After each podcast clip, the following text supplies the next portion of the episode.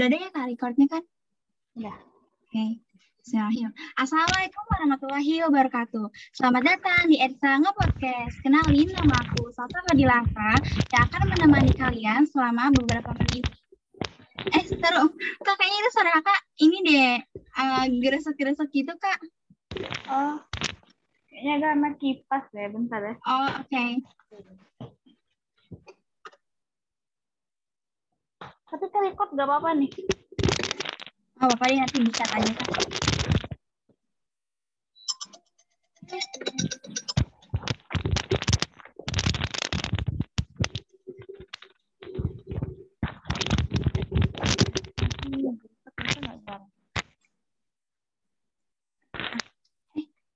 Udah kok kak, udah. Ya, aku mulai ya kak. Ya. Assalamualaikum warahmatullahi wabarakatuh. Selamat datang di Edsa Podcast. Kenalin nama aku Salsa Fadilafra yang akan menemani kalian selama beberapa menit ke depan. Dan di sini kita bakal bakas eh eh bentar kak eh bentar oke okay, oke oh, latihan dulu aja kalau enggak enggak enggak udah kok oke okay, oke okay. Bismillahirrahmanirrahim. Assalamualaikum warahmatullahi wabarakatuh. Kenalin nama aku Salsa Fadilafra. Eh, kok nggak pakai astagfirullah? Eh, ah, enggak, sekali lagi. Maaf banget nih, Kak. Enggak apa-apa. Sekali lagi. Kan selamat datang lupa. Oke. Okay. Assalamualaikum warahmatullahi wabarakatuh. Selamat datang di Edsa Podcast. Kenalin nama aku Salsa Fadilafra yang akan menemani kalian selama beberapa menit ke depan. Dan di sini kita bakal bahas uh, suatu hal yang menarik nih, yaitu how to be a good writer. Kali ini kita bakal bahas sama orang yang spesial. Kira-kira siapa ya? Uh, langsung aja kita sambut Kak Fatia. Halo Kak Fatia, gimana kabarnya? Halo, Alhamdulillah baik. Walaupun lagi sakit. Oh, ya, Alhamdulillah. Jadi guys, Kak Fatia ini salah satu mahasiswa PBI angkatan 18 loh. Dan Kak Fatia juga memiliki hobi menulis. Benar ya Kak? Iya, betul. Oke. Okay. Uh, langsung aja nih ya Kak ke pertanyaan pertama. Yaitu, menurut Kakak gimana sih menulis yang baik itu? Kalau menulis yang baik itu ya yang penting niat sih yang pertama.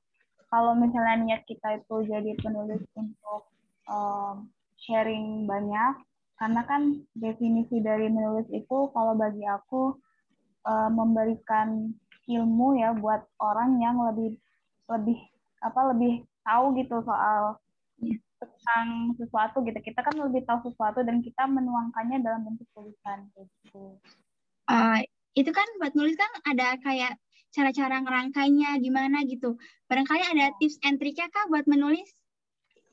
Ada, tergantung dulu kita menulisnya apa dulu nih. Kebetulan kalau aku kan suka nulis cerita sama uh, artikel gitu kan. Kalau artikel itu biasanya memuat tentang informasi ringan gitu, misalnya kayak uh, apa ya, 10 10 tempat wisata menarik misalnya kayak gitu. Itu kan bisa kasih informasi tentang banyak orang. Jadi kita juga masukin uh, hobi kita menulis. Selain itu juga kita bisa masukin beberapa foto-foto gitu kan.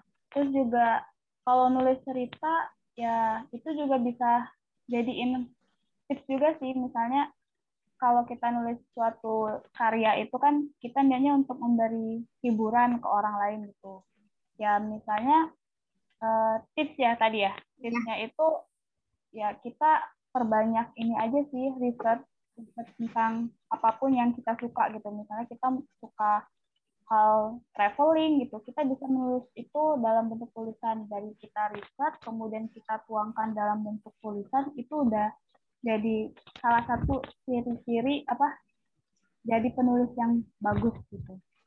Kan kalau kakak tadi nulis artikel ya kak, berarti kakak tuh hmm. observasi sendiri ya kak buat nulis? Bener, karena aku memang orangnya suka langsung datang ke tempat itu. Kan kalau misalnya nulis itu kan bisa nantang juga ya. Kita bisa langsung datang ke tempat orang tersebut. Kemudian kita wawancara kita ambil foto juga. Jadi kayak berbagi pengalaman dengan apa yang kita lihat gitu dari menulis itu gitu. Oh. serunya nulis gitu Iya ya. Tapi itu hmm. uh, awalnya tuh gimana sih kakak tuh bisa sampai suka menulis gitu? Menulis itu sebenarnya dari dari kecil ya, aku suka banget nulis.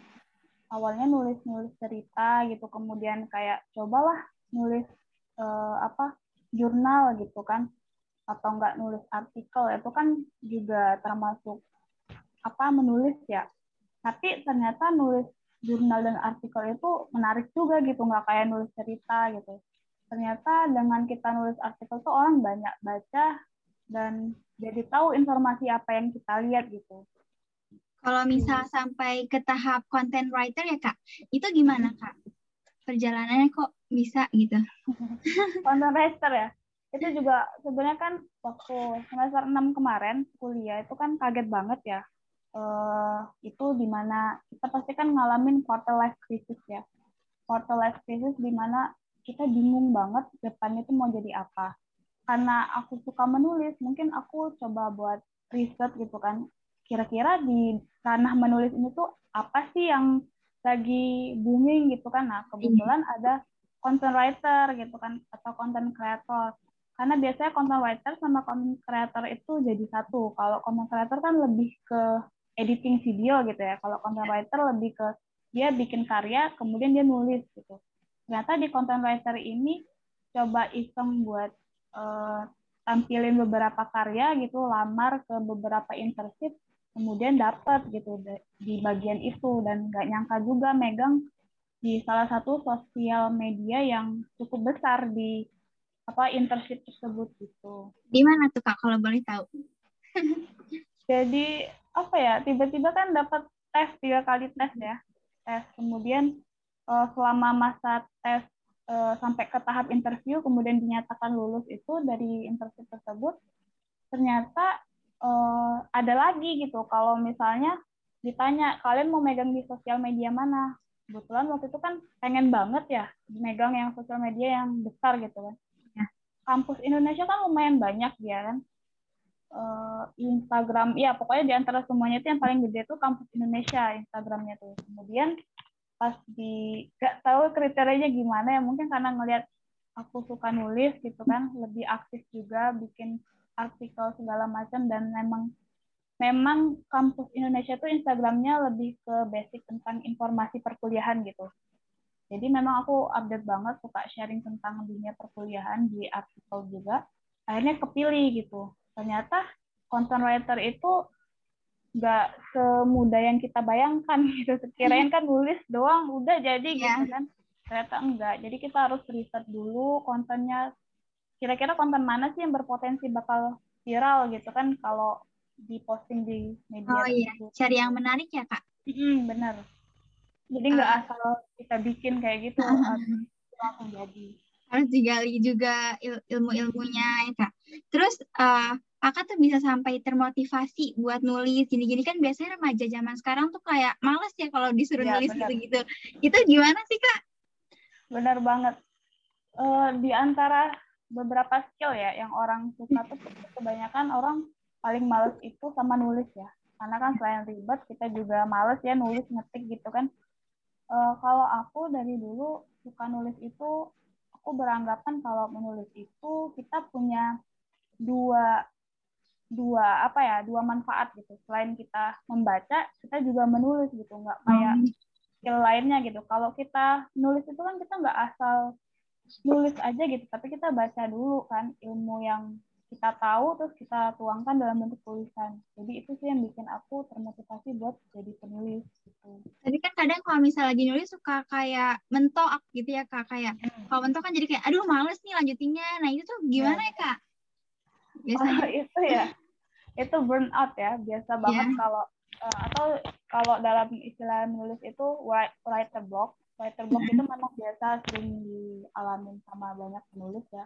Kalau aku sendiri biasanya ngelakuin hal yang menarik itu.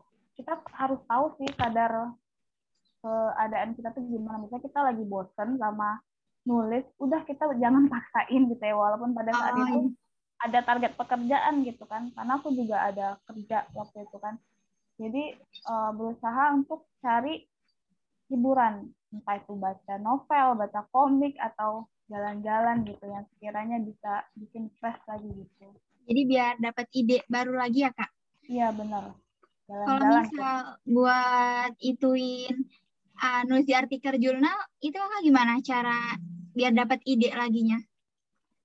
Di artikel jurnal ya, itu biasanya sih karena aku suka observasi langsung ya, observasi langsung biasanya uh, wawancara aja sama yang di sekitar. Kalau sebenarnya jadi jurnalis itu kan juga bagian dari menulis ya, karena yang penting tuh kita tuh harus peka sama yang di sekitar kita kalau aku jadiin orang yang di sekitar kita itu sebagai motivasi aku buat nulis. Misalnya ada pedagang yang susah gitu kan kita kan bisa dengan kita tanya dia kita bantu dia yeah. kan untuk cari informasi. Jadi orang tahu gitu oh ternyata ada yang lagi masalah gitu kan di sini. Kayak gitu sih biasanya kalau nulis artikel. Oh terus uh, kakak tuh uh, penulis artikel di Kompasiana sama Yours ID Yours ID nah itu gimana kak cara daftarnya gitu kalau itu gampang sih sebenarnya tuh oh. hampir semua platform ya, hampir semua platform menulis itu uh, dia tuh menyediakan tempat bagi para penulis untuk coba buat nulis artikel baik, baik itu masih baru atau enggak. Cuman masalahnya itu diterima apa enggak sama editornya. Oh. Kita diterbitin atau enggak itu yang bikin susah. Caranya tuh gampang. Kita misalnya di Kompasiana atau di Your ID masuk dulu, bikin akun kemudian apa registrasi segala macam nanti kan ada stepnya. Nah hmm. nanti dari situ kita bisa langsung nulis gitu. Hmm. nah ya itu nggak semuanya langsung diterbitin. Jadi memang harus kita belajar banget cara menulis artikel yang sesuai dengan kode etik jurnalistik itu gimana gitu. Jadi kayak jadi belajar ngirim, juga. ngirim tulisan dulu aja ya kak. Ngirim tulisan hmm, terus nanti uh, ditergantung di ACC atau enggak sama ya. pihaknya. Sama pihak editornya. Kalau ya, itu Betul. Apa? Eh, iya nggak maksud aku Harus sabar soalnya. Oh. Kakak itu bisa sampai uh, ke tahap keterima itu kakak ngirim sekali doang apa kakak ngirim berkali-kali? Berkali-kali. Enggak, jadi iya benar banget. Jadi misalnya dalam waktu satu hari aku tuh bisa nulis 5 sampai enam artikel. Oh. Jadi itu pun juga belum tentu semuanya keterima. Kadang kan kita ngerasa wah kayaknya konten ini udah pasti keterima ini kan. Hmm ternyata enggak gitu entah apa kriterianya itu kan tergantung mungkin juga saingan dari penulis di, di situ ada yang banyak kan ada yang senior udah kan gitu tapi itu ya nggak apa-apa sehari lima itu nggak mumet kak nulis sehari enggak. lima artikel kayaknya satu sebenernya. aja udah pusing Iya, tergantung kitanya juga sih mau mau apa namanya kita mau gimana gitu kan. Tergantung niat kita ya. Kalau misalnya niat kita tuh pengen banyakin karya gitu kan ya cobain aja terus coba terus sampai keterima gitu. Tapi ya kita nggak boleh berkecil hati. Kalau misalnya udah satu minggu nggak kebaca gitu ya sama editornya ya udah kita buat lagi yang lain gitu. Oh, berarti itu bebas ya? Ngirim berapa bebas. aja tuh bebas? Nggak dibatasin? Bebas sehari nggak dibatasin. Tapi biasanya kalau nulis artikel kayak gitu minimal 400 kata terus kata itu kakak selama menulis di situ udah kerja di situ jadi kerjaannya nulis aja kak. Maksudnya nulisnya gimana gitu? Sama Kalau kerja di sana. di Kompasiana sama Yose ID tuh aku nggak nggak kerja sih. Sebenarnya tuh buat oh. portfolio aja. Tapi karena kemarin itu aku dapat um, banyak ini ya di project.co.id jadi kan project.co.id itu situs freelancer uh, buat para penulis. Nah, di situ mereka banyak cari orang-orang yang mau nulis di situs mereka gitu. Tapi kan kita nggak dikasih tahu situsnya itu apa ya. Jadi ada salah satu uh, owner yang rekrut aku tetap gitu kan. Jadi penulis artikel tersebut. Jadi uh, nanti misalnya satu minggu dikasih 15 artikel gitu kan. Judulnya tentang ini ya, temanya tentang ini. Nanti terserah kita menulisnya berapa gitu. Tapi yang pasti 500 atau enggak 700 kata kayak gitu. Dan memang uh, Your ID sama Kompasiana itu cuma buat kayak portofolio aja sih gitu, oh, gitu kalau yeah. ada karya gitu kan. Hmm. Padahal kalau kita nggak ada karya nggak bisa kita bikin portofolio. Gitu. Oh, gitu. berarti nggak kayak salah sebulan nulis atau nggak nggak ditentuin gitu ya kak? Enggak. Jadi kalau memang kita pengen gitu kan sharing itu ya nggak masalah. Soalnya di situ juga agak susah ya buat oh. cari uang tambahan kan juga sebenarnya susah kalau dari situ kan. Kita kan yeah. juga butuh ya. Jadi tapi kalau misalnya kita uh, perlu portofolio buat jadi penulis gitu, itu bagus banget kalau kita ngelatih skill nulis kita di Kompasiana sama Yose ID.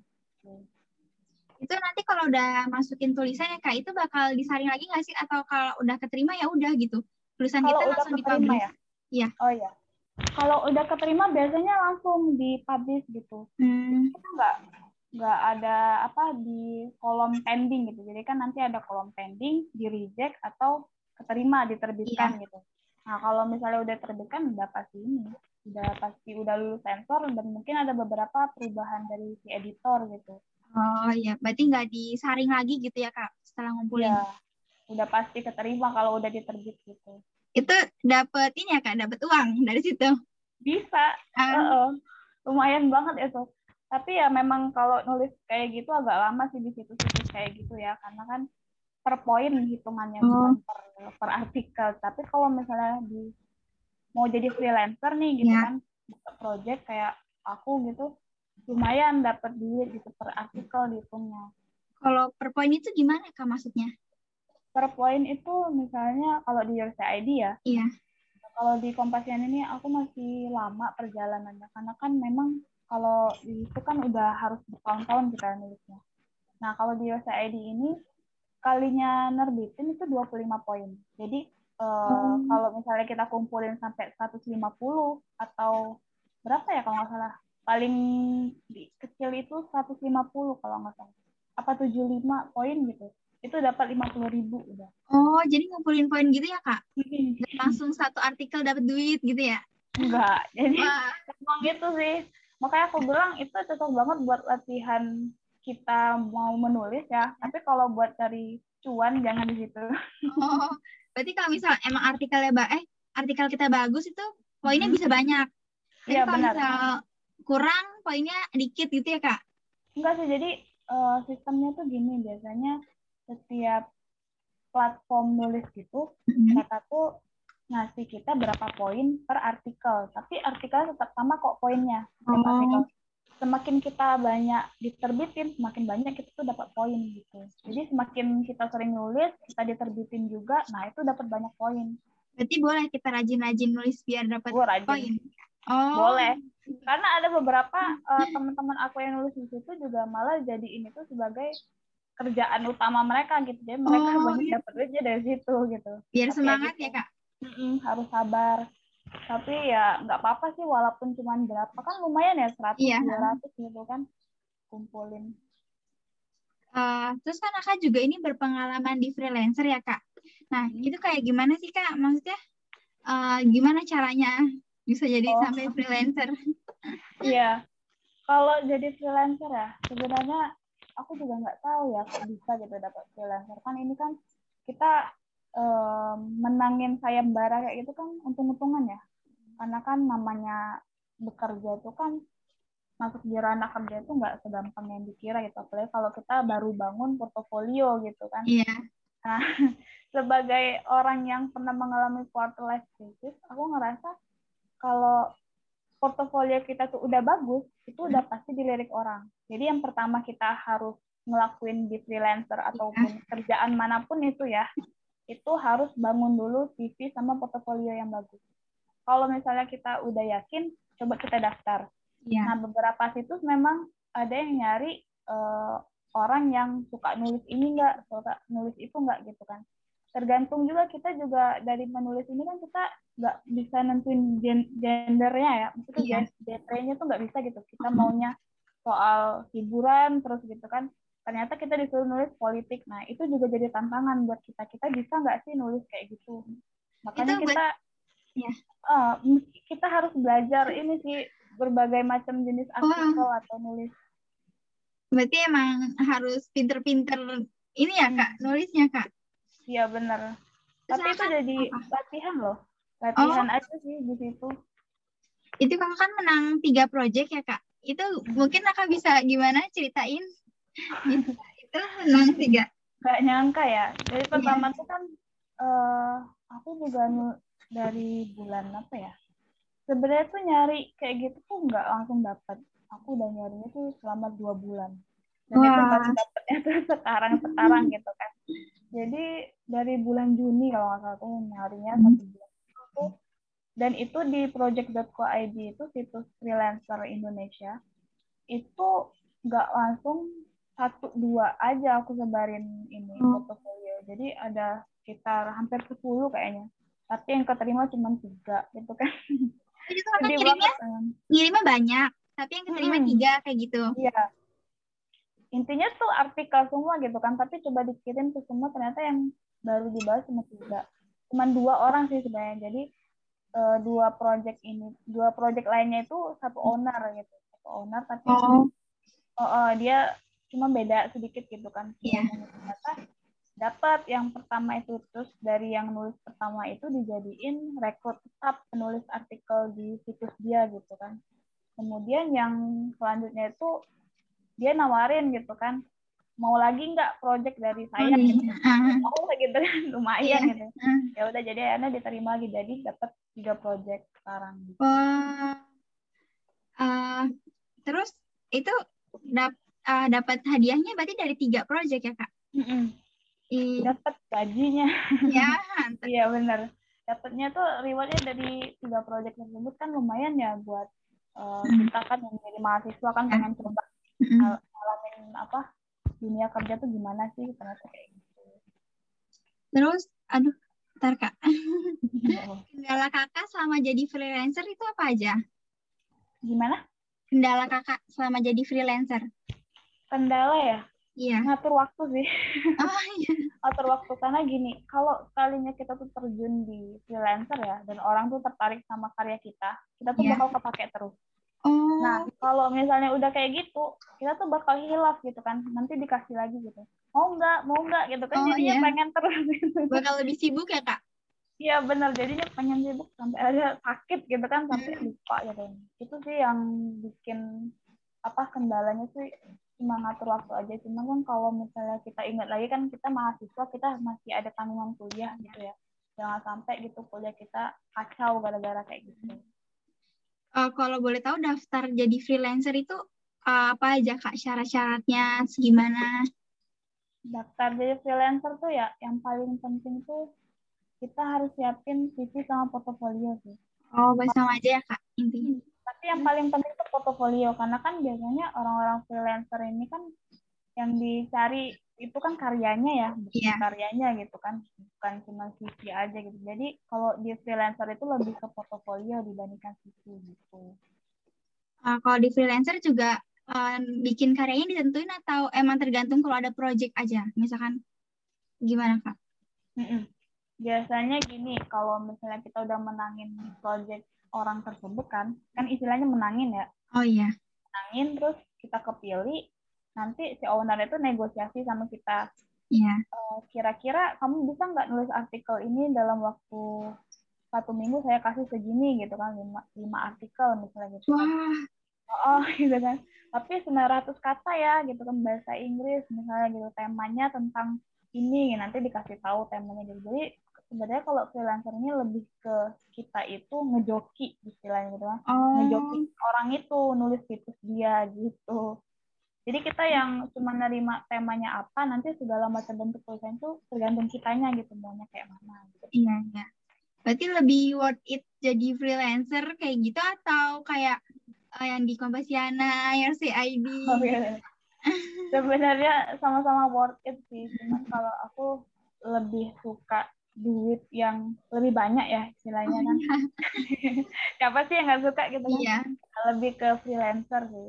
Freelancer tuh kan kita uh, kerjanya enak ya fleksibel yeah. gimana enaknya sih gitu cuman ya itu kalau kita nggak nggak apa bisa ngontrol waktu ya bisa juga sih karena keasikan gitu kan terima dapat ini dapat itu gitu kan tahu-tahu dapat lagi gitu tapi itu jarak jauh kan ya uh, kak dari rumah atau gimana gimana kerjanya cerita uh, kerjanya ya ya itu iya. kalau freelancer itu bisa di mana aja enaknya tuh oh. mau kita di kafe mau di rumah gitu kan ya tergantung kitanya sih nyelesain targetnya seberapa kalau misalnya kita udah selesai kita setor ke ownernya gitu udah selesai nih artikelnya gitu kan oh iya nanti selanjutnya minggu depan dapat lagi kayak gini oh jadi kayak nulis nulis nulis gitu aja ya kak hmm. bikin Benar. gitu. di rumah aja gitu kan cuma depan laptop gitu. ya tapi di target gitu ya kak harus iya benar banyak gitu terus ya kalau nggak gitu susah sih kalau nggak bikin target. Oh iya ya. Uh, terus kakak bilang tadi kan kendalanya atur waktu ya kak. Nah ya. itu gimana kan kakak juga mahasiswa tingkat akhir ya udah mau sibuk-sibuknya apalagi mau bikin skripsi. Nah itu gimana ya, kak atur waktunya? Aduh kemarin tuh salah banget ya. Uh, ini kan pelajaran buat teman-teman yang lain ya. Iya. Kalau mau aktif itu jangan semester tua. Jadi salahnya aku tuh kemarin semester 6 semuanya aku ambil. Oh. Uh, magang aku ambil yeah. magang luar kampus maksudnya kan internship yang content writer yeah. itu kemudian uh, freelancer ini juga aku ambil ternyata aku direkrut tetap terus uh, apa nulis artikel yang di yeah. sama itu juga diambil jadi itu benar-benar apa ya salah banget sih dan sekarang karena sudah semester tujuh kan udah mulai fokus juga skripsi jadi yeah. benar aku nggak bisa lagi nunda-nunda pekerjaan kayak gitu. Jadi pokoknya uh, diselesaikan dulu satu-satu. Misalnya kayak internship ini kan udah selesai gitu kan. Kemudian lanjut lagi yang magang-magang lainnya gitu udah selesaiin dulu. Baru nanti fokus ke yang kuliah ini gitu oh. itu kakak tadi yang freelancer tuh udah pegawai tetap ya kak? Masa udah tetap itu ya, berarti ya. sampai kap berarti udah kayak ya udah kerja di situ kayak gitu ya uh, kerjanya di situ gitu. Iya, kayaknya mau sampai mungkin sampai dipecat kali ya. Gak ngerti juga sih gimana. Pokoknya dia bilangnya e, ini udah tiga bulan kerja sama owner hmm. yang ini. Memang tiap bulan itu kalau udah selesai itu di akhir bulan nanti baru yeah. gaji. Terus uh, tadi kakak pernah bilang pernah di internship kampus ya? Itu hmm. magang. Itu gimana kak? Kalau kampus Indonesia ya, jadi yeah.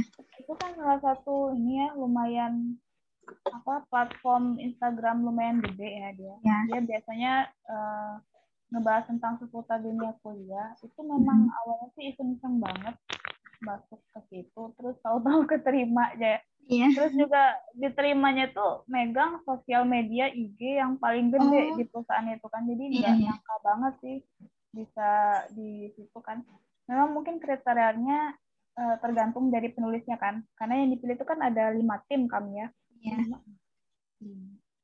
enam enam tim jadi dua apa aja tuh kak content writer ya dua content writer termasuk aku Iya. Terus dua lagi social media officer. Social media officer tuh biasanya yang gerak di dia yang ngeposting, dia yang bayar, yang biasanya mm-hmm. balas-balas itu kan sosmed. Oh iya iya. Oh yang ngeposting segala iya, macam yeah, itu dia, yang interaksi sama netizen. Terus yang terakhir itu duanya lagi dari editor. Dia yang oh. kayak editing editing gitu. Biasanya memang apa ya di situ di content writer kampus Indonesia itu kita banyak dapat pelatihan sih cara nulis oh. apa konten gitu kan segala yeah. macam kayak gitu. Itu kan berapa lama magang di situ kak? Empat bulan. Oh lumayan.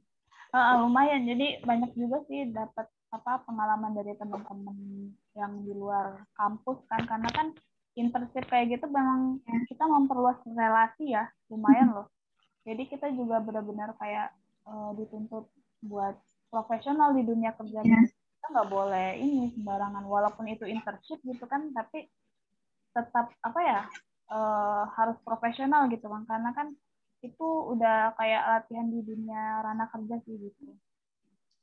Uh, Oke, okay. itu berarti buat daftarnya itu cuma portfolio gitu ya kak? sama ya. aja kayak yang lain. Kalau content writer ya, yang iya. Udah itu kalau biasanya hmm, beberapa jabatan ya di perusahaan tersebut ada yang meng, mewajibkan untuk kita tuh bikin CV sama portofolio. Jadi hmm. nggak semuanya tentang portofolio kalau nggak CV. Kayak kalau bisa sih CV CV-nya tuh jangan alay ya. Karena kan oh, apalagi alay dulu tuh masih belum ngerti kan yeah jadi masih kayak banyak banyak gambar gitu kemudian oh. terlalu rame gitu tulisannya. Tapi makin lama semenjak magang ini makin ngerti gitu oh ternyata ada yang namanya istilahnya CV itu ada lagi jenisnya ada ATS oh. friendly gitu kan. Ada yang CV ini gitu kan profesional kayak gitu gitu berarti CV juga diperhatiin ya kak iya. Bahaya.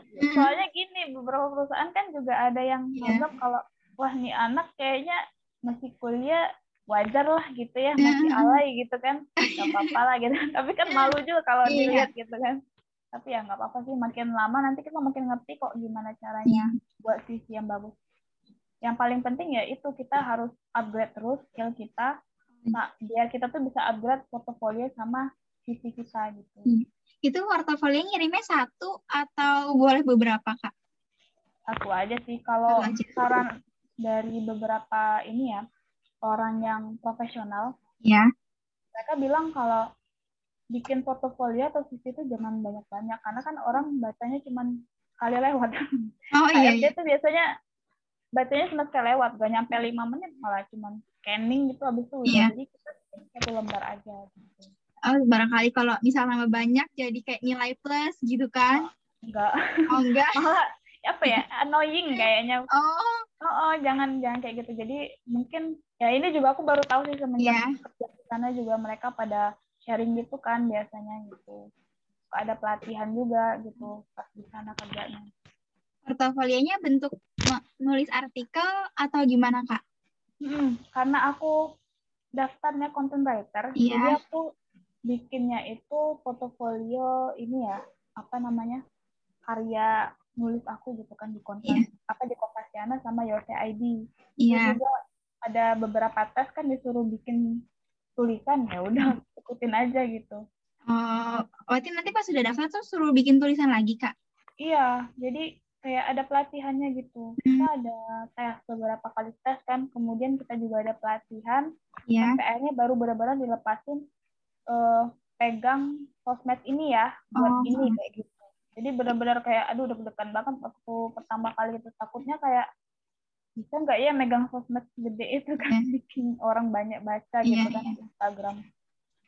Itu pelatihannya berapa lama, Kak? Kalau pelatihan tuh sebulan ya waktu itu. Mm-mm.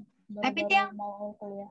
Yang ikut pelatihan tuh kayak yang udah emang masuk orang-orang masuk apa semua orang? Iya. Oh, berarti nggak semua orang ya, Kak? Yang ini orang yang udah keterima. Oh, udah yang keterima. Ya, yang udah lulus tahap interview, kemudian Mm-mm. baru pelatihan kayak gitu. Interviewnya online, Kak? Iya, karena Ah. ya itu karena kita nggak bisa ini kan ketemu langsung. Tapi memang seharusnya sih nggak online ya, karena kan Oh. WFH, WFO. Hmm. Tapi kakak waktu itu online ya kalau kakak? Aman sih, aman banget sih. Cuman ya itu agak susahnya tuh karena apa ya? Eh, mungkin karena baru pertama kali ya coba iseng-iseng Ya. internship. Ternyata nggak nggak nyangka aja sih masuk ke internship itu. Karena lumayan banyak sih Kompasiana eh apa? eh, kampus Indonesia tuh lumayan banyak peminatnya. Oh, Dia kan saingan sama Instagramnya Kampuspedia. iya. Di situ berarti dapat uang, Kak. Kan biasanya orang kan seneng ya kalau misalnya dapat uang. Sayangnya enggak sih, Tertarik. karena Oh, itu enggak. oh, oh enggak semua internship itu dapat. Hmm, Kalau misalnya kita tuh, nah itu. iya, Jadi kalau misalnya mau niatnya tuh cari iya, uang, iya. internship itu kan enggak semuanya ya. Kita nyari yang paid paid internship gitu ya, karena paid internship itu biasanya diselenggarakan kayak dari Shopee, Tokopedia, atau yang kayak gitu-gitu loh perusahaan besar kayak gitu. Tapi ya agak susah sih kalau kayak gitu. Hmm. Tapi Ya, yang penting cari ini aja sih pengalaman kerja. Oh iya iya. Biasanya orang kan kalau misalnya kayak dapat duit dari semangat gitu menulis Iya. gitu kan. bener ini enggak sih cuman dapat ilmunya aja sih. Oh, berarti yang nyari pengalaman ya, Kak. Heeh, makanya aku selain internship aku cari kerja juga Oh, yang lain gitu yang freelancer itu. freelance atau enggak di Kompasiana gitu kan Oke, Eh, buat terakhir nih ya Kak, mungkin Kakak ada pesan-pesan buat teman-teman biar semangat nulis dan kayak mau mulai nulis gitu. Gimana Kak? Atau nggak bisa ngasilin duit dari nulis kan karena Bisa. nulis, ya, karena nulis tuh eh, hampir penting ya di semua aspek gitu. Hmm, Mungkin iya benar apa Kak pesan-pesannya?